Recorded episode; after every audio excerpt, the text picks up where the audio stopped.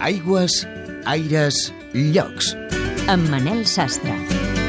En el programa d'aquesta setmana farem balanç del primer any de funcionament de l'Arborètum de Lleida, que ja s'ha convertit en una referència. Per acabar, sabrem quin seguiment s'està fent de l'os bru als Pirineus.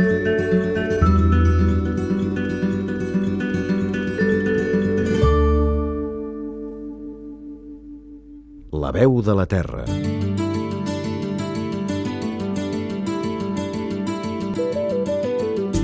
El Jardí Botànic de Lleida, conegut com l'Arborètum, ha rebut més de 12.000 visitants en el primer any d'obertura al públic. Coincidint amb aquest aniversari, s'ha engegat una campanya per apadrinar qualsevol dels 1.500 arbres i 90.000 arbustos que té l'espai, que s'han aclimatat sense problemes. També han començat els treballs de recerca científica. És un reportatge de Pere Joan Álvarez. L'Arborètum Dr. Pius Foniker va obrir les portes al mes d'abril de l'any passat. L'espai de 7 hectàrees ha esdevingut un pulmó verd per la ciutat de Lleida amb les seves 300 espècies d'arbres i arbustos d'arreu del planeta.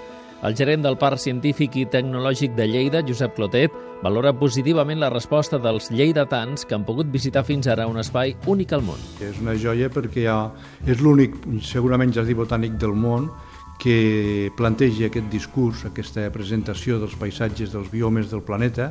Per tant, només des d'aquest punt de vista ja és un element que té una potencialitat i una especificitat molt, molt important, però és que, a més a més, és, dins d'uns anys serà un dels elements paisatgístics i de visites més importants del que s'anomena el turisme cultural ecològic.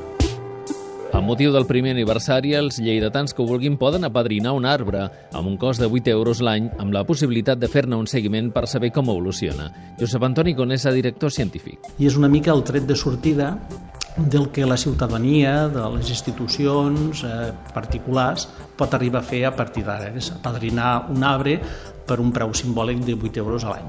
Haurà una placa, allà dirà que està apadrinat, evidentment a la web pot sortir el nom o les inicials, el que vulgui el padrí. A banda de l'aspecte més social, a l'Arborètum també s'hi fa recerca. És el lloc idoni per poder estudiar el sistema que diríem eh, presa de predador per fer el control de plagues doncs, en espais eh, urbans, en espais oberts, en espais ajardinats i aquí l'arborètum és el millor lloc perquè a més a més com que hi ha moltíssimes espècies d'arbres diferents diguem eh, en ocasions doncs, la, la fauna que, que està associada està associada a una espècie en concret. L'alcalde de Lleida, Àngel Ros, fa un balanç molt positiu del primer any de l'Arborètum i destaca la doble vessant de l'espai, social i científica. Dintre del projecte de Parc Científic i Tecnològic vam incloure un eh, jardí botànic, Arborètum, amb un doble paper de recerca eh, en l'àmbit eh, de la enginyeria agronòmica i també de forest i eh, també cobreix un paper de jardí botànic obert a la ciutat. L'Arborètum està situat al costat de la Facultat d'Agrònoms de la ciutat de Lleida. Les veus dels llocs.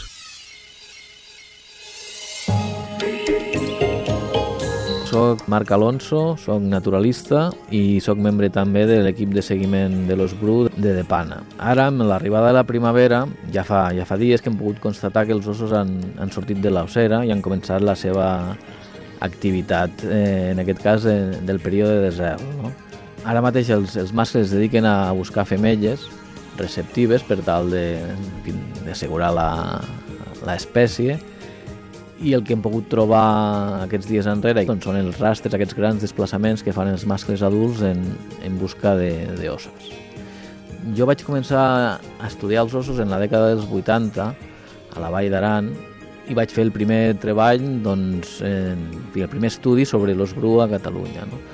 Des de llavors he estat vinculat sempre en aquesta espècie, de la que se'm considera un especialista.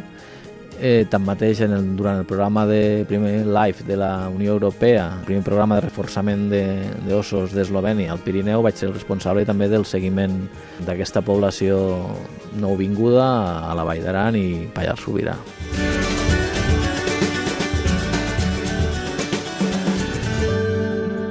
Aigües, aires, llocs.